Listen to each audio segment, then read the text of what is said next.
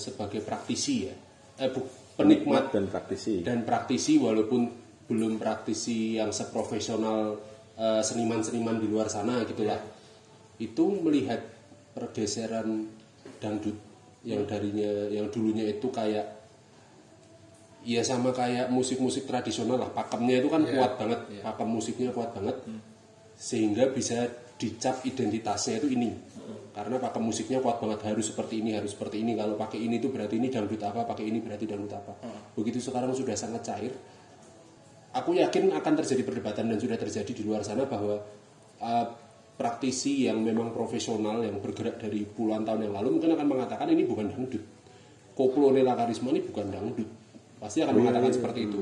akan ada perdebatan seperti itu. Nah buat kalian berdua aja lah. Aku ingin tahu bayangannya soalnya di antara kami yang mungkin menikmati paling lama dan juga melakukannya itu kan kalian berdua menurut kalian dangdut itu masih tetap dangdut nggak Iya. Dangdut koplo. Ya. masih ya Ya, koplo masih. Kalau aku juga masih. Itu mungkin dangdut dari dulu sampai sekarang itu lebih ke arah modern saja. Dulu memang seperti pakem, harus dangdut Melayu seperti Roma Irama yang ketukannya slow pelan. Itu kan bagi penikmat mungkin sekarang orang-orang tua. Nah, Maggie dan terus mungkin sekarang kan berkembang ke anak muda yang lebih variatif. Jadi lebih cair, musik apa-apa bisa dimasukkan ke unsur dangdut itu. Yang penting masih aliran musiknya masih dangdut, kayak ketukan, alat musik dan lainnya. Walaupun beatnya lebih cepat, kayak beatnya ditambah lebih cepat. campuran reggae-nya dan Ada reggae-nya, ska juga masuk ke dangdut seperti itu. Yo. Ya aku masih ngarangku ya iki koplo saya. Iya. Nah, sik sebenarnya ana ketukane gendange emplak-emplak walaupun Nah. gendangnya tambah gendang. Saya kan ada variasinya, ben berketipung. Elektrik, Ketipung terus saya tambah gendang sing dinggo impul gitu. impul dan lain-lain. Lebih variatif Diva- dari apa alat musiknya sendiri lebih berkembang dulu cuma ketipung dua aja. Ah, Oh iya iya. tak sama tung gitu kan bunyinya. Nah, sekarang sudah ada kimpul, kimpul diambil dari kendang, sudah muncul alat yang modern kayak elektrik sudah masuk juga ke kendang, ke ketipung seperti itu. lebih banyak variasinya Lebih banyak variasi. lebih suka sih ya. Setiap daerah kan juga dulu kan hanya ada mungkin kendang itu kan berbeda-beda. Ada kendang dari Bali, kendang dari Banyuwangi, ada Jawa Timur, Jawa Tengah itu kadang dijadikan satu juga ada itu. Jadi buat lebih variasi aja. Ini masalah anu selera sih. Enggak tergantung selera. selera. Akhirnya biasanya seleranya kayak zaman biyen. Iya, ya kronologi ya. Biyen gur modelnya dangdut koplo sing kayak Inul Darsista musik-musiknya seperti itu. Akhirnya berpindah lagi dangdut sera. Terus eh, ada tambahan jadut, eh, jadian dangdut. Terus muncullah eh, kayak NDEKK. Oh, iya. Nah, akhirnya masalah selera. Iya. dangdut rap, terus akhirnya muncullah Dangdut Kempot kembali hadir dengan dangdut koplo yang ada Doni Harsa dan lainnya dengan campuran musik lebih beatnya lebih Iya. cepat lagi terus Denny Caknan dan Boy Iya, akhirnya masa yang apa, masa-masa akhirnya waktu waktu yang akan merubah itu semua Di Kempot itu juga gelombang duanya dia adaptasi ya. betul diadaptasi yang bagaimana yang musiknya bisa diterima oleh kaum muda Iya. Di Suriname dia nyanyinya jazz loh. iya Iya, jazz. Oh, jazz. Enggak ada dangdutnya kalau Enggak nggak ada. Oh. Nah, itu menarik juga. Tapi tetap nyanyi Jawa liriknya. Jawa. Hmm. Ya kayak Nicky Ari itu kan juga nadanya enggak enggak terlalu Enggak, koplo ya kan makanya itu nadanya saat ini juga dirubah Oh iya. demi beatnya kan. Demi pasar. Oh, aslinya tidak begitu. Kayaknya sih enggak. Ya seperti kayak dangdut Melayu gitu, slow gitu. Oh, iya, iya. Kowe ndelok musiknya dangdut koplone eh Didi Kempot hmm, zaman atau zaman saiki ya. Iya. Nah, lagu Didi Kempot itu sebenarnya banyak pergeseran anu loh, lirik loh. Lagu yang sama. Dalan anyar, Heeh. dalan anyar iki yang biyen iki ning dalan anyar kowe karo sapa? Tempatnya ganti ya, tempatnya biyen iki ning Bandara Adi Sucipto Yogyo awalnya 2010 11 muncul iki Heeh. dengan musik ya beatnya cepat tapi dangdut kopio model-model jadi kempot Sari. Akhirnya di cover oleh Sagita dan teman-teman Om dari Oh. Melayu jadi ning dalan kowe karo sapa ning Kertosono. Oh iya. iya. Akhirnya Didi Kempot menyelesaikan itu. Oh Didi Kempot juga menerima perubahannya. Nah, kalau kepingin, kepingin lebih tahu lebih lanjut nanti baca blog saya di Salvatore Ngumnya. Silakan Boleh, boleh, boleh. teman-teman di Salvatore ngomong. Iya. berarti berarti Didi Kempot pun harus mulai permisif terhadap pengaruh dari luar untuk Dan dia sangat permisif kan. dan, dan dia Iya, punya dia juga keyakinan mempermasalahkan copyright gitu. Iya. dan dia punya keyakinan kalau aku permisif aku memasukkan itu semua aku itu juga bisa membawa namaku jauh ke atas gitu kan Iya. Didi Kempot itu orangnya yang rendah hati sih. Maksudnya lagu lagu diganti saire yang aku tadi katakan tadi dia nggak putus nggak ngapa-ngapain. Lagu banyak yang ngover, Iya. dia nggak mempersoalkan hak cipta dan Iya. tetapi dia cuma satu karena eh, karena dia orang Jawa yang sangat ya tulen akhirnya dia ngomong sebenarnya permisi jalur itu nuwun. Hmm. Kalau saya lihat di Kempot itu dalam menciptakan uh, lagu itu ada dua identik. Pertama percintaan, kedua tentang lokasi. Iya. Oh iya. iya. daerah. Heeh. Makanya kan banyak yang, ditap- eh, yang diciptakan di Kempot itu kalau dari lokasi Nikairi, Langgiran, Konadi Pacitan, Gunung Pa- Awah, Pantai Pacitan, Langgeran terus mana Layar, Pantai Kelayar, terus mana lagi? Terkonadi Iya, Tertonati, Solo Balapan. Balapan. Solo Balapan, ya. Oh iya Dan pasti perpisahan kan? Dan, Iya. dan itu pasti perpisahan, itu Dan- antara tempat dan percintaan. Ah, Makanya Dan anu, itu. narasinya pasti pamit pergi, Ah. pulang-pulang. Ya, dan itu dan itu ditiru sama Deni Canan, Kartonyono, Kartonyono Kartu betul janji, nah itu yang diteruskan konsepnya di Nengawi. ya, Nengawi. itu Nengawi. Ya, itu masih sampai sekarang tuh masih laku di pasar, khususnya anak muda sekarang gitu. betul betul akhirnya Didi Kempot itu memang anu Iya, menciptakan formula yang Formula. yang, yang Formula. keren Itu termasuk formula yang anu ya. Iya, jadi- jitu gitu. Jitu, ya. Enggak, justru tidak membuat itu jadi umum nasional, tapi ngambil nama daerah lokal dengan untuk dinasionalkan. untuk dinasionalkan dengan kisah cinta yang itu umum. Ah, Didi Kempot itu semacam buku babon. Ah, Iya, dalam buku babon sebuah teori akhirnya diadopsi. Ya itu kan Yogyakarta itu memang gimana? Nah, gimana? Terminal gimana? Tanjung Mas ninggal janji. Iya, gitu. Kau karo sopo? Istirahat. Mungkin maksudnya Didi Kempot sendiri itu eh, kalau ke tempat ini itu kan juga mempromosikan daerah. Iya. Nah, gitu kan mempromosikan daerah main ke tempat ini oh ada lagunya ada kenangannya. Parang Tritis, gitu. Makanya kayak aku pernah dengar konsernya yang dia bisa ganti lirik pas konser tersebut tergantung Tempatnya. tempatnya. Oh, iya, iya, iya, iya. ada kayak gitu. Enak ya. Itu fleksibel juga ya. Nah, itu kan Membuat relasi Betul. antara penontonnya sama akhirnya lagunya. dangdut koplo itu fleksibel. Nah, itu. ya itu seperti air tidak fleksibel? Enggak nemu sih. Bahkan jazz pun yang sebebas itu, itu tuh nggak bisa. Ya mungkin karena datangnya secara umum itu sudah bukan sifat kedaerahan. Iya. Jadi sudah punya pakemnya yang sangat kuat gitu loh. Sedangkan dangdut itu yang awalnya dari kedaerahan, pakemnya dihancurkan untuk bisa masuk ke nasional sehingga sekarang di nasional nggak punya pakem apa pun. Nah, itu sepakat aku. Jadi nggak ada pakem apa pun, bisa dimasukkan apa pun dan sangat cair. Tapi kan tetap uh, inti kendangdutannya kan tidak hilang. Tidak hilang, tapi kan jadi lebih bisa memasukkan unsur-unsur dari mana pun. Sedangkan kalau eh, rock misalnya, Rock nggak bisa. Atau bandingkan sama Atau jazz misal- yang dianggap sangat-sangat Sangat free bebas. gitu, Nah, bebas. kalau misalnya kayak pop, terus masukkan unsur gitar listrik, eh, gesekan rock, itu kan akhirnya terus muncul genre baru pop rock. Oh, iya. Tapi kan itu harus diamini oleh internasional dulu nih bahwa ada genre baru nih Pop rock, pop rock gitu. Kalau belum diamini kan orang akan bingung ini masuknya ke pop atau masuknya ke rock. Gitu. Sedangkan kalau dangdut karena sudah dilepaskan dari embel-embel pakem kedaerahan masing-masing daerah, Bebas. bebas mau dimasukin Bali kah mau dimasukin kendang macam apa mau pakai drum pad yang sudah bukan kendang lagi Tetap dangdut. juga tetap akan dilihat dangdut karena emang secara sejarahnya tadi barusan berapa tahun terakhir unsur kedaerahannya itu dibawa nasional semua jadi sangat cair Sepakat aku dengan hal itu. Akhirnya kita menemukan salah satu kun- satu kunci ya. Dangdut fleksibel. Dangdut koplo. nah pertanyaan berikutnya kalau emang itu adalah kunci dan formula bahwa eh, dangdut itu fleksibel sehingga dengan rumus-rumus yang dibawa dangdut tersebut berapa tahun terakhir itu bisa menjadi nasional dan diterima secara masif bahkan diterima secara internasional juga dianggap sebagai ya nek TikToknya orang Indonesia itu pasti musiknya kayak gini kayak gini lah kebanyakan. Akhirnya bisa dilihat seperti itu.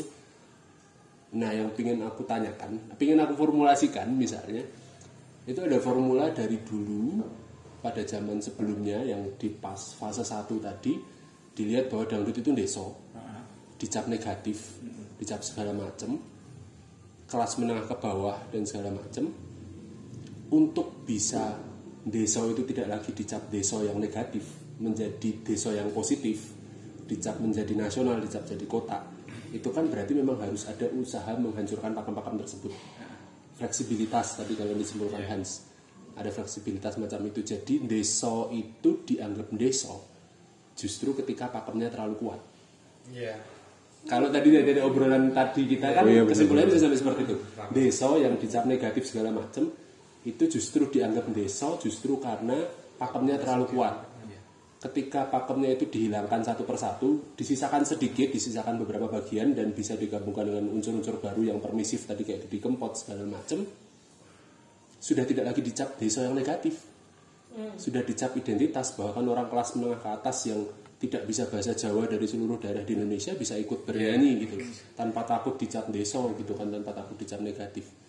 Apakah formula ini bisa diterapkan ke fenomena-fenomena desa yang lain di luar dangdut? Nah, Karena banyak orang yang berkata pakem itu penting. Kalau pakem nggak ada, identitas kita hilang. Iya, iya. Tapi dangdut sukses buktinya. Iya, bisa. Ana mungkin bisa ngomong masalah ini karena dia lagi fokus penelitian. Kayaknya kalian bertiga nulis iya desawan itu kan? Iya, karena karena aku karena aku dangdut. Akhirnya aku milih dangdut. Mhm. Tetapi aku aku punya cerita sih juga masalah desa. Ini enggak di luar anu ya, di Nah, luar. coba di luar dangdut ya. Tapi kita membicarakan formulasi dangdut yang sukses tadi. Ini loh. Ada satu anu, satu video YouTuber dari Gunung Kidul. Margio Farid, eh, Farid kenal? Ya. Dia punya sapi namanya Margio, terus dia buat YouTube. Dia Tak kirain tuh nama YouTube-nya Margio. Enggak. Bukan kan? ya, Margio sapi Margio sama Margio itu nama sapi Margio sebenarnya. itu nama Margio. Iya. Margio. Dia kondang, dia terkenal awal mulanya. Tutorial. Tutorial ngarit. Hmm, Tutorial tutorial ngarit. Halo guys, Ini kalau jono. Kalau jono aku ngarit itu. Tutorial ngarit terkenal. Kenapa terkenal? nah itu mau aku jawab nanti karena aku habis ngulik itu Apakah itu kaitannya dengan pakem desa tadi menjadi dihilangkan pakemnya terus jadi nasional?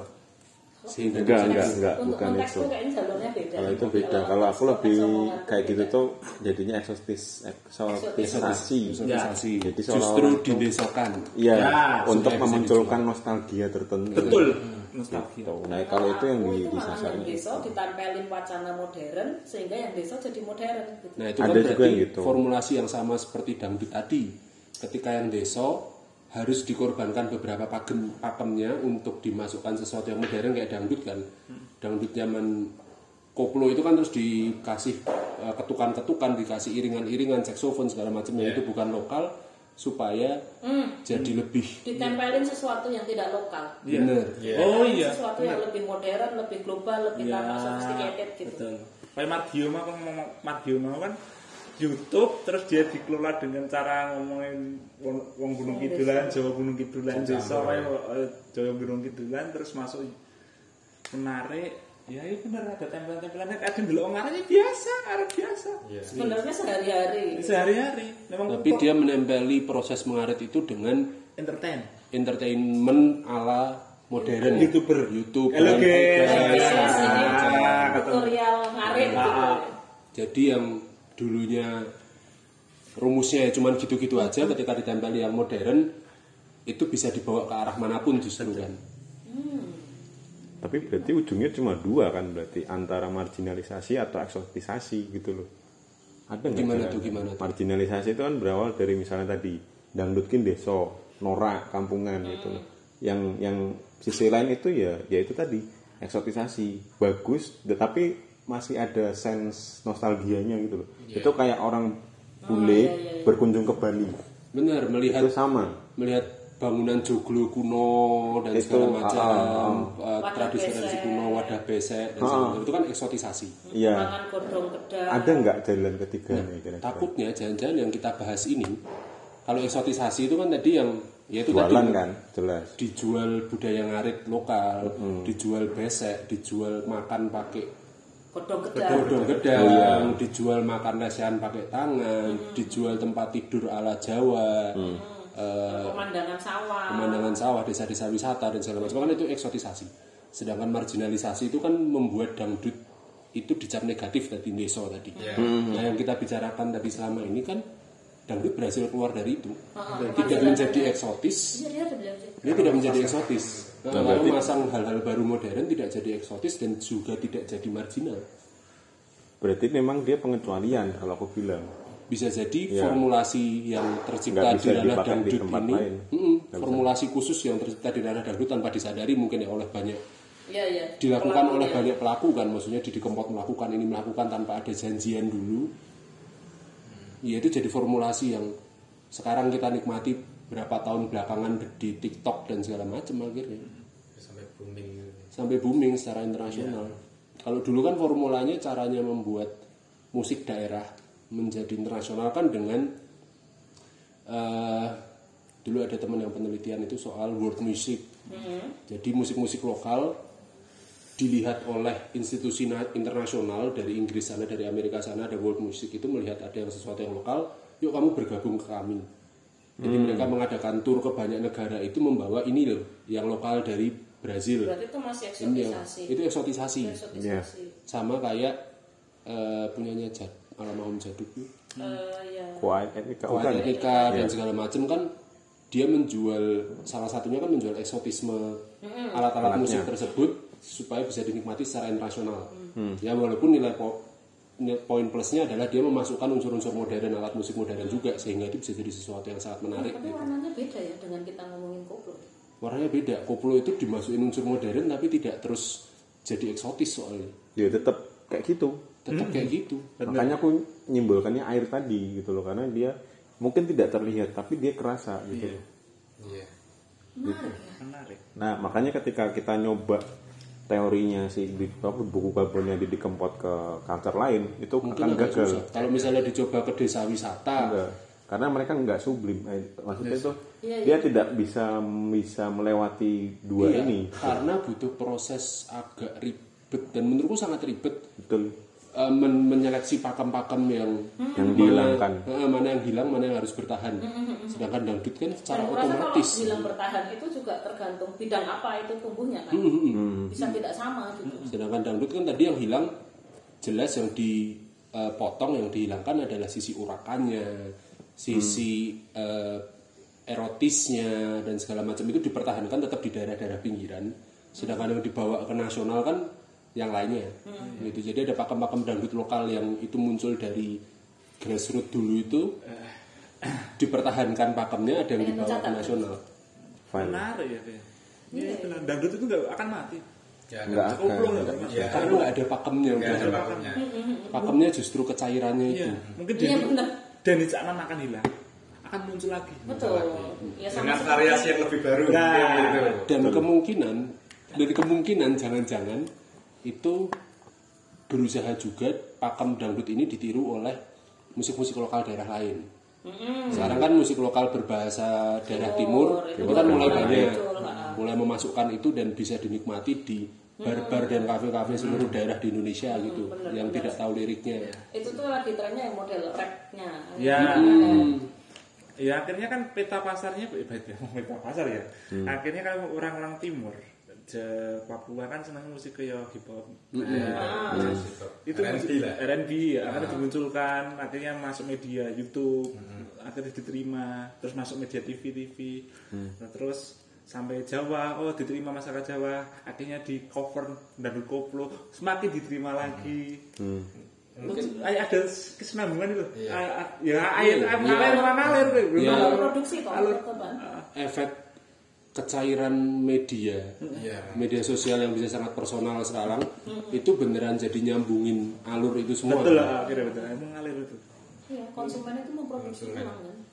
tapi mungkin gini uh, saat apa lagu timur meledak sekarang itu karena ada kekosongan musik di daerah timur. Karena musik sekarang kan awalnya itu kan dikuasai Jawa dengan nada lirik Jawa. Ya, ya. Makanya orang timur mungkin nggak mengerti artinya apa. Atau Akhirnya, merasa- akhirnya mulai muncul. Ya, awalnya kan pop. Nah, pop pop kan dengan lagu nasional bahasa Indonesia. Nah, sekarang mulai tergusul oleh dangdut dengan apa dengan lirik Jawa, ciri khas orang Jawa. Akhirnya kan di wilayah timur sendiri yang bahasanya berbeda pun akhirnya muncul lagu sendiri. Iya, akhirnya di Jawa diterima dengan karena formulanya tidak jauh berbeda akhirnya mereka Aku mem- rasa formula yang diambil mirip. menerapkan pola musik yang sejenis tapi liriknya lirik sakit lokal. hati lokal Iya, sebenarnya sakit hati sih. Manusia itu tercipta karena sakit hati. Iya. dan sekarang kayak alat musik alat musik tradisional jadi sangat cair kan maksudnya pe- pemain sape Kalimantan itu bisa tampil untuk dangdut koplo bisa untuk tampil untuk alat budaya timur dan segala macam kan jadinya Ya sih, Kak. menarik ya. Lebih fleksibel. Lebih fleksibel tadi sih. Berarti jane iso nek uh, bisa dikatakan bahwa Indonesia ini sakjane yo dangdut. Wes. Loh iya kan? dangdut is the music of my Ya, bener country kan? Tapi nanti jangan takutnya nanti Jawa sentris. Iya, takutnya ya. Takutnya, tapi kan Tapi dangdut kalau dari juga Melayu kan. kalau misalnya ini ini kan masih fase revolusi ya menurutku ya. Ketika, Revolusi. ketika sudah mulai di TikTok semua orang pakai musik seperti itu untuk joget, itu kan perlahan-lahan dangdut sudah mulai terlepas dari akar daerahnya. Yang dulunya dilihat itu hanya lokal tadi yang kita bicarakan, sekarang mulai mulai jadi Indonesia nih dangdut nih. Karena semua orang Indonesia mulai pakai nih di TikTok, di Instagram dan segala macam Orang Korea aja nari. nari pakai itu dan menyatakan bahwa Ini enak. ya ini enak dan Iya. ini datang dari Indonesia gitu. Iya, oh teman-teman dong tanpa udan ini bener. Dongeng itu kan enggak Ikan lagu kok kan lagu dong meledak ya. Akhirnya Terus di-remake. di remake sama Darboy dengan musik dangdut. Akhirnya viral dan 2021 jadi masuk YouTube apa lagi? Kalau akhir tahun itu? YouTube rewind. Nah, ah. itu bagaimana kekuatan dangdut koplo itu? Iya dan TikTok bikin ada dance-nya. gitu. Iya, ada akhirnya akhirnya muncul beberapa beberapa uh, kata Rono Benar itu beberapa semesta. Akhirnya beberapa apa beberapa efek Memang nih anak didik Eropa bener. Iya, nah. beberapa Rono beberapa iya kemunculan ada dan wilayahnya gitu ya. wilayah ini wilayah jogetannya yang model-model Tapi kan eh, yang tidak bisa kita pungkiri adanya perdebatan soal dangdut pakem dengan dangdut yang sekarang kita nikmati di TikTok era generasi sekarang. Itu kan kita tidak bisa pungkiri perdebatan itu ada kan. Jadi tetap ada orang yang berusaha mengakui dangdut itu yang pakemnya kayak gini. Iya. Tapi ada orang yang berusaha ngomong enggak, yang kayak gini itu juga dangdut. Hmm. Nah, kemungkinan sih bisa jadi ke depannya supaya ini bisa berdamai dan maksudnya diaku dangdut itu sebagai ya bahasa musik nasional kita, identitas nasional yang dari berbagai daerah itu mewakilinya. Jangan-jangan butuh istilah baru, butuh bahasa baru mungkin nantinya untuk mendamaikan itu mungkin bukan lagi disebut dangdut atau koplo atau apa gitu. Atau yang perlu berdamai sih aku nggak tahu sih. Karena ini pasti perdebatan ini pasti masih akan ada antara yang deso pakemnya sangat kuat tadi misalnya dengan yang karena pasti orang yang pakemnya kuat masih akan berkata nah kami peminatnya ada bahkan ini udah sampai internasional eh, campur sarinan dan segala macam dangdut lokal tradisional seperti ini dengan pakem sangat kuat udah sampai internasional juga Menurutku kuncinya di ini sih, uh, toleransi. toleransi Enggak maksudnya yang yang pakem ya dangdut, yang kayak gini ya dangdut. Iya, iya. Karena nggak bisa dong. uh, kita harus mengingat lagi bahwa dangdut itu lahir secara organik gitu loh. dan tidak semua orang mengingat itu Nah, maka dari itu ketika mereka mengingat bahwa sejarah dangdut itu adalah sejarah yang organik gitu loh. Berarti nggak boleh dong salah satu orang itu mengatakan bahwa dangdut itu milik saya gitu loh. Nggak bisa karena dia lahir di masyarakat, dia lahir dari bawah, tumbuh dan akhirnya ke atas kan begitu. Ya, berarti tinggal menunggu apakah orang-orang yang tidak berasal dari masyarakat dangdut Jawa misalnya kan awalnya dari Jawa itu dangdut. Kalau orang-orang yang tidak berasal dari itu seperti orang-orang dari budaya timur, budaya Sumatera, budaya Kalimantan dan segala macam sudah bisa mengatakan bahwa ini juga dangdut. Iya, kayak misalnya yang musik Padang misalnya itu kan kita sebut dangdut juga kan. Jadi tidak Jawa sentris dong begitu dengan house musiknya. Ada yang dari kan Padang. malah Melayu toh. Iya, Melayu berarti kan sebenarnya. daerah-daerah Sumateranan Heeh. gitu kan. Jadi menurutku ya sudah selebar itu maksudnya eh, apanya ya, ruangnya gitu loh jadi dan itu terbukti waktu kita ingat lagi kasusnya Inul Daratista sama Roma Irama waktu itu Roma Irama kalah waktu itu kalau nggak salah Iya, kalah dia. ya kan kalah telak karena Karena su- Irama sebagai perwakilan yang pakem pakem kan Iya. pada akhirnya kalah telak kan karena ya nggak bisa dong dangdut di di standarisasi bahkan Siapa kamu gitu kan? iya bahkan dang- dangdut Permasalahannya masalah itu ya. Iya masalah dangdut. norma kan akhirnya. Norma dia mengatakan iya. bahwa dangdut itu tidak boleh seronok kan gitu. Nggak bisa lah gitu. Karena dangdut juga lahir di ruang-ruang yang begitu begitu. Loh Akhirnya cuma cara keluarnya Roma Irama dan perdebatan pada masa itu kan ya hanya mengatakan bahwa ini juga dangdut. iya iya iya. Aku dangdutku seperti ini, dangdutmu seperti ini, terserah yang penting kita sama-sama dangdut. iya iya iya. Berarti kata kunci untuk bisa mendamaikan ya kita sama-sama dangdut. Berarti ya, Ya, mungkin uh, akan muncul istilah baru. Kalau dalam dunia musik mungkin ada yang awalnya reggae dan ska itu mungkin kan hampir sama. Ya, hampir sama. Nah, itu akarnya akar reggae. Akarnya akar reggae adalah tapi dalam perkembangannya kan ada cabang yaitu ska itu Ya, yang lebih modern. rootsnya. Nah, kalau yang agak ya lama itu masih memakai pakem yang lama itu ya reggae murni seperti itu. Nah, mungkin dangdut sekarang bisa diibaratkan seperti itu. Ada dangdut yang masih memakai pakem yang lama, dangdut Melayu, dan ada yang dangdut koplo. Nah, dalam perkembangannya seperti itu mungkin. Dan peminatnya juga Ada, berbeda, iya, gitu, iya. berbeda. Dan semua juga bisa menikmati kan gitu. Ya harapannya besok muncul kayak dangdut timur, dangdut batak, Iya. segala Daerah. macam dan Tapi apa yang dangdut Melayu ada yang baru sekarang tetap bertumbuh ada alurnya sendiri. Ada kayaknya musik-musik Padang tuh naik terus Ada. internasional ya kayak misalnya Oh, apakah kalau- Roma Irama tetap memproduksi lagu-lagu dengan gayanya Oh, Itu apakah masih peminat lagu-lagu Melayu yang bukan cuma dari Indonesia tapi lagu Melayu yang datang dari Malaysia itu aja di TikTok juga masih muncul. Masih muncul.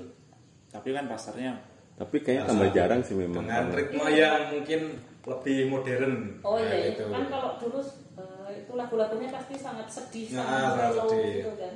Batak juga ada musik, tapi musik lebih ke arah DJ. Kalau kita House sekarang kan music. mungkin dari entertain dari dunia TV kan juga ada audisi dangdut dan itu audisi dangdut yang zaman dulu mungkin lima tahun ke belakang sama yang sekarang udah berbeda ritme musiknya. yang yang lima tahun ke belakang itu masih Roma Irama masih muncul. sekarang nggak Ah, ada sekarang sudah enggak. Sekarang mungkin Ketukan ketukannya udah berbeda diganti dengan siapa itu yang penyanyi dangdut agak gendut itu siapa cowok itu Nasar. Nasarudin nah seperti itu. Nasar. Aja. Ah, Nasar aja. Bukan Udin iya. Nasar mungkin seperti itu. Kalau dari yang Oh, lama itu. Elvi Sukaisi sekarang Dewi Persik ya, Nasar agak koplo berbeda ya? Enggak, tapi dangdut, dangdut Melayu. Dia memakai Nah, itu- tapi dengan ritme yang berbeda, dengan lebih sentuhan modern ya daripada yang nah itu berarti jawab pertanyaanmu. Ya sayang kayak gitu Jadi Opa Nasar Kiwo. berarti kan Oh iya menjawab benar pertanyaan Nasar tadi. gitu ya dari generasinya sendiri. Apa men- menjawab pertanyaan apa? yang tadi Aku apakah yang di kan Sumatera itu punya alur pertumbuhannya sendiri. ada Oh, iya, iya. Ada. Nasar. Ternyata. Nasar kan rootsnya enggak campur sari. Iya, rootnya kan bukan campur sari. Iya, akhirnya kalau dia diiringi dengan pemain musik yang paha, yang yang yang punya aliran musik dangdut koplo, Iya, Nasar pun adanya ikut nyanyi akan- gitu Iya. ya. Tetap fleksibel itu gitu. Tapi sengal-sengal dangdutnya Nah. Melayu itu kan baru terus beda. Cengkok. kalau Melayu itu ada cengkok-cengkoknya. Cengkok. gitu. Nah, soalnya banyak orang yang mengatakan kayak Via Valen itu tidak dangdut. punya cengkok dangdut. Iya. Via Valen itu justru cengkoknya pop. Ya. yang Jadi jangan cengkoknya pop loh itu Nggak ada. Cengkok campur sari Jogja, Jogja sendiri contoh campur Campur sari. sari kan agak Sing rada merepet dangdut. keroncong kan, iya nggak sih? Anu, Dimas Tejo. Iya. Oh, di Mas Tejo, iya. Ah, itu dengan ciri khas penyanyinya sinden. Nah, Itu, itu yang masih tradisional. Campur sari musik dangdut tapi masih tradisional Jawa banget gitu. Tapi anu ketik ini. Iya, itu dangdut tapi masih tradisional banget nah kan campur sari. Dimas Tejo. Mas Tejo yang sempat eh, nasional kemarin bersama saya. Suatu lagunya. Sayang. Sayang, apa kabar? Ah. Bukan sayang aku ke kerungu. Bukan. sayang Itu- banyak Itu lagunya. juga dari Jogja NDKK awalnya. Bukan, Oh, bukan. oh itu perdebatan ada lagu itu ya. Dari Aduh, yang kita- 12 NDKK sampai Via Valen ya itu. kita melipir ya dari kakak adik yang dangdut ini Iya, ya. ya, biarkan kakak adik ini berdebat sendiri nanti lah ya. Bukan yang kakak itu. Ombak. Iya, membawa. Walaupun lagu Jepang. Iya, bawasan lagu Jepang. Lagu Jepang. Iya lagi dari lagu Jepang Mirai judulnya. Ya akhirnya ya seperti kayak lagu Tapi nih. kan boomingnya di. DKK. Ya. Nah, Iya kan ada yang nggak- versi nggak pakai rap toh. ada. Ya itu, ha. Nah, Yang itu pertama Gowes. Gowes. Nah, tapi masih ya masih belum ada sentuhan gitu. ngelaweke. Tapi lebih nggak nggak eye catching. Ya, agak modern gitu ya. Nah, akhirnya kan dikemas yang DKK pakai rap gitu, ah, lebih modern. Akhirnya muncul apa gaya style musik dengan rap akhirnya rap dangdut tuh Itu terkenal. dari NDX ya. Mm-mm, Oh, NDX akhirnya keluar lagi Pendosa. Oh, Oke. iya. Pendosa. Ah, Pendosa setelah Bojogala. Ah, ah, Bojogala itu mungkin rap rap dangdut mulai terkenal akhirnya diikuti orang lain Pendosa itu Bojogala akhirnya legit juga lagi akhirnya sudah mulai menurun ini digantikan yang pop Iya, dangdut NDX sekarang. sama Pendosa udah nggak terlalu. Turun, nah, terus digantikan Darboy. Darboy yang nggak ada pakai rapannya duwe ati sama terus muncullah Denny Caknan. Denny Caknan dulu no Hah? Denny Caknan dulu baru Darboy Darbo sik teh. Oh, Darbo dulu. Darbo sik teh. Darbo sik teh. Sing terkenal kuwi Darbo sik. Ya ada yang meliber. jadi jadi ketika apa zaman biyen zaman biyen kan Darbo duwe jeneng. Terus akhirnya dari anak muncul atau nyono. Lah kuwi sing kopene Darbo sik. oh, Oh, malah saling support Saling Iya, support iya, mereka saling kan support antar Mantap. penyanyi lokal dangdut itu benar mantap. Nah itu mungkin kuncinya. Cara bertahan hidupnya itu ya saling support. sampai sekarang sering kolaborasi cara ber- kolaborasi itu ya Cara bertahan hidup eh, grassroots gitu ya. Ya menghargai kandang masing-masing. Pasar Menghargai punya kandang kandangnya. masing-masing, eh, fleksibel, dalam Uh-uh. artian boleh saling memakai lagunya, Iya. kolaborasi juga gitu kan. Karena Era kolaborasi iya lah kolaborasi. Itu kan mungkin agak berbeda dengan industri mayor gitu, Iya. misalnya yang dengan Oh, copyright, sendiri. dengan nggak boleh kan, kan mereka cover. akhirnya mereka cover lagu terus mereka izin entah tahu hak ciptanya gimana tapi di belakang bawah YouTube itu ada eh, mereka sudah mempunyai lisensi sendiri Hmm. Oh izinnya. mungkin Sudah izin, Yeni, kan? Yeni Inka nyanyi atau nama jadi lisensinya Yeni Inka judul lagu ini penciptanya Denny Caknan Iya. Oh, di oke. Ya kayak kita ngutip gitu lah. Iya. Akademis gitu-gitu kan. tapi udah ada Kita nggak perlu aku nggak soal paham tuh aku nggak berani bawa, masalah hak ciptaan Dan sekarang tuh kalau fan musik itu nggak ada fannya fans. Nah, misalnya kalau dulu Via Valen kan Via Valen. Vianisti, ya, Vianisti apa yang lain apa Nela Karisma sendiri. Nah, sekarang tuh nggak ada kayak Semua gitu. dimakan. Nah, se- se- nggak ada fan-fannya. Jadi ya mungkin ada under boy gang apa gitu. Terus dari cara tapi semua menikmati semua nggak Oh, ada. iya, iya. Nah, kalau dulu kan grup Oh, nggak terus fanatik pada Nggak, satu penyanyi tertentu. Ya karena satu satu karya juga bisa dipakai oleh Iya, banyak orang kan iya, soalnya. Iya. Sampai tadi bisa perdebatan ini siapa lagunya siapa yang Iya. bikin siapa dan segala Iya, macam itu, kan. Iya kasnya koplo campur salinan itu kan seakan-akan tidak punya pencipta gitu kan. Iya. Kadang itu walaupun Kan-kan. sebenarnya ada gitu. ada pencipta tapi penciptanya nggak terkenal Heeh. kok sih nyiptake lagu eh, apa jenenge sing kon ya sayang ben sapa to ada oh den NDE itu nanti perdebatan Bang. boleh di akhirnya Akhirnya ya kayak Didi Kempot kan ya udah berdamai aja. ya, maksudnya Kalau di Kempot itu kan mungkin menciptakan berapa ratus Ribu. penikmat lagu penikmat gitu lagu kan akhirnya wes masa bodoh sebagai penciptanya sopo Yang penting sing enak versi Hindi. Iya. Gitu, Iya. kan. Yang enak menurutku sebagai penikmat lagu sebagai penikmat, tapi Iya. sebagai pemakai lagu itu nanti jadi masalah. Iya. Iya. Maksudnya ini yang dipakai lagunya yang mana nih? Lagunya siapa nih? tapi yang dangdut itu cair sih sih. Kembali lagi gitu. Iya, tapi kalau masuk ke tempat-tempat karaoke, ini jadi bermasalah dong. Ya masuk ke tempat karaoke bermasalah pak. Enggak, maksudnya ketika aku muter Royalti. lagunya siapa, ini royaltinya masuk ke siapa? Karena lagunya tidak kadang tidak jelas. Sayang Iya. itu ini penyanyinya siapa tidak jelas gitu kan. tapi hebatnya dangdut itu Secara performance, secara penyanyi. ya akhirnya ini loh dangdut koplo itu akhirnya ya gitu eh eh kok elaborasi elaborasi kalau membantu Iya, walaupun sekarang sudah sadar karena eh, penciptanya siapa ditulis pasti Iya. Iya. Untuk menghargai kan. Untuk menghargai. walaupun ada nanti masalah royalti aku nggak tahu sih Iya dan kadang ada usaha untuk menampilkan pencipta aslinya Iya. juga kan. Maksudnya siapa Ndar Boy King atau siapa yang pencipta aslinya orang isi Kudamai. Jogja orang Kudamai. seni damai Kudamai. oh damai Heeh. tapi kan anu masalahnya penikmat lagu masa bodoh Mm-mm, mm-mm. Ya, seperti Selera. ah, akhirnya kan mendung tanpa udan kemarin yang yang terkenal kan wis Darbo Akhirnya Darbo sendiri mencoba mengangkat pupuh iki lho penciptanya Heeh, benar sih. Nah dari tuh aku tidak terlalu suka gaya Bener. musiknya, Ya, musiknya. gitu juga. Ya, balik ke selera. kan. Selera, benar. Dan YouTube-nya lagu-lagu itu kan penontonnya masif-masif kan jutaan, ratusan juta kan malah. iya Hmm. YouTube dangdut terutama aku men- men- mengamati dari DC Production itu sehari itu bisa masuk satu lagu yang dinyanyikan oleh Denny Caknan atau kolaborasi mesti masuk trending musik Iya. Bahkan Denny Caknan balik sama siapa? Happy Asmara. Happy Asmara itu aja trendingnya lama Iya. banget. Oh, itu. Semua itu bisa trending kejar-kejar. itu semua.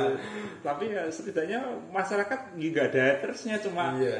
yo ya ya ya Doni Harsa. cuma itu Harsa. dunia yo masalahnya dunia Harsa sama uh, Mbak Nela. Nela itu masalah agama sih sebenarnya. itu bukan masalah dangdut atau apa itu masalah agama Tapi sekarang ya mungkin fan-fan aja karena Ya udah. karya-karyanya si Doli kan juga keluar terus kan. yang penting ya bertahan ya kita mengeluarkan karya dan diterima dalam Iya. masyarakat yang bisa disyukuri adalah Saya Eh, eh, bisa disyukuri kan dangdut sebagai sebuah nama besarnya itu Hmm. sekarang hasilnya bisa jadi sangat dibanggakan kayak gini kan terlepas dari segala kontroversi ini dangdut apa dangdut apa kontroversi ini pencipta siapa pencipta siapa kontroversi eh, relasi antara penyanyi dangdut ini dengan pemain kendang ini dengan penyanyi satu penyanyi yang lain dan segala macam terlepas dari semua itu ya yang tadi kita bicarakan dangdut sendiri udah next level di sini Iya. Tuh, Gelombang baru. udah gelombang kita baru dangdut kita menantikan gelombang berikutnya the Bener, infinity semoga tidak turun beyond. lagi ya. Semoga beneran bisa masuk ke Turun. level berikutnya. pasti akan turun tetapi kalangan masyarakat menengah ke bawah Enggak. tidak akan turun Iya, soalnya yang dari grassrootsnya tadi. Bahkan sekarang dangdut punya punya moralitas nasional tadi, batasan-batasan nasional yang cukup cair tadi pun dangdut yang tadi ya yang eh, erotis, uraan dan segala macam itu tetap berjalan kan sekarang di pinggiran-pinggiran kota gitu. ya akhirnya mereka mainnya ya di pinggir-pinggiran dan klub malam Bener-bener. tapi setidaknya ketika dangdut mati di nasional maksudnya di Ya, nasional perannya bergeser. Hanya bergeser yang itu tadi tetap ada. tetap ada Tetap ada. Ngam- nganten pun tetap Tetap ada. dangdut Karena dangdut mulai masuk ke hidup dari budaya gitu. Bener. Nah, iya sih kayak aku pon desa ya mek sinoman ora dangdut e sing live live dangdut ngono ora ono sing ono hiburane Berarti sing gowo nampan karo goyang-goyang. Yo, enggak dong, utah dong. Biasanya gini nih, ngakal ini biasanya yang ini beda-beda biasa dan biasa campur salinan sih sinomane. Nah bareng rampung, gue ya koplonan gitu nih. Oh. Nek koplo dari awal utah kabeh. Oh, makanya dong. ketika ada ngantenan hiburannya apa? Hiburannya apa? Dangdutnya apa? Oh, iya. Hiburannya apa? Oh ini dangdut saka anu eh, Slogoimo apa saka nad kita nada apa apa campur sari. Oh iya, siap. Oh, Sinoman jadi lebih rajin. Iya, Lebih lebih rajin, rajin. termotivasi. Karena itu beranggapan kalau ada dangdut itu sebagai jampi saya kalau orang Jawa bilang jampi Oh, obat saya. capek. Ya, tombol Obat kesel. capek. Nah, Oh, gitu. iya, iya. Jadi kan lebih semangat gitu. Nah, gitu. hiburannya apa? Hiburannya apa? Kalaupun mau sound sistemnya dangdutan apa, tetap golek sing live. Eh, Oh. Iya. Pada Oh, iya. dasarnya kan orang desa itu kan kurang hiburan. Nah, kalau ke tempat karaoke nggak ada. Nah, terus mau tempat ke apa itu di hiburan juga nggak ada klub-klub dugem tuh nggak ada. Ya hiburannya cuma itu dangdut, live musik, dangdut, koplo itu hiburannya. hajatan itu salah satu Nah, kesempatan. hajatan itu satu kesempatan. Jadi- Ruang atau hiburan. Hmm, ruang untuk hiburan bukan misalnya nih hajatan di daerah A, daerah B, C, D sampai F itu datang semua. Makanya kan sering ada bentrokan mungkin antar pemuda ini dengan pemuda itulah karena itu. Ya ampun mantenan ono sing tawuran. Iya, mantenan misalnya mantenan daerah A, hiburannya dangdut daerah B atau C itu Datang. datang nggak nggak pernikahan cuma dangdutan aja gitu. Makanya sebagai sekarang- hiburan. Makanya sekarang itu karena kondisi seperti itu, yang norak-norak akhirnya diprivatisasi. Iya. Eh, jadi dangdutan itu cuma akhirnya kalangan dewe, bisa dewe, makanya enggak Seperti ringinan gitu ya. Oh, oh, enggak dibuat, dibuatkan panggung besar, enggak, cuma panggung kecil Tanggung kecil. di dalam nganteni Ganti pandemi susah. ya. Ya, Ya, susah. tapi itu yang sampai kapan pun di Indonesia nggak bakal hilang sih. Karena itu udah mengikat ke culture kan. Jadi mau apa pun yang terjadi dengan dangdut nasional sekarang yang sedang naik level, besok ganti tren dan segala macam, dangdut masih akan tetap ada di skala itu tadi. iya limbuan limbuan layangan saya ini dangdut kan dan Oh iya, limbuan besok ini dangdutan. Pernikahan tuh pasti dangdut. Nah gitu Iya. nggak akan hilang dan nggak akan mati. Kayak gitu kalau di daerah dangdut. Jadi itu guys, Jadi mungkin itu dulu karena ini sudah cukup panjang ya cukup panjang. Ini aku ngobrolin dangdut dari fase pertama Panjang banget. yang sejarah dulu panjang dari zaman dangdut campur sari segala macam sampai ke fase kedua. Dangdut sekarang next level udah ya sampai terakhir kita membicarakan next levelnya ini mau naik atau mau turun dan segala macam kita nggak tahu ke depannya tapi dangdut tetap sebagai uh, musik yang ada di akar rumput itu akan Cair. akan terus bertahan karena sifat cairnya yang dimiliki dangdut itu sendiri kan Oke, siap. Oke, berarti sekian dulu teman-teman. Terima kasih sudah mendengarkan podcast kami, podcast Otak Serong Kanan. Dadah. Dadah.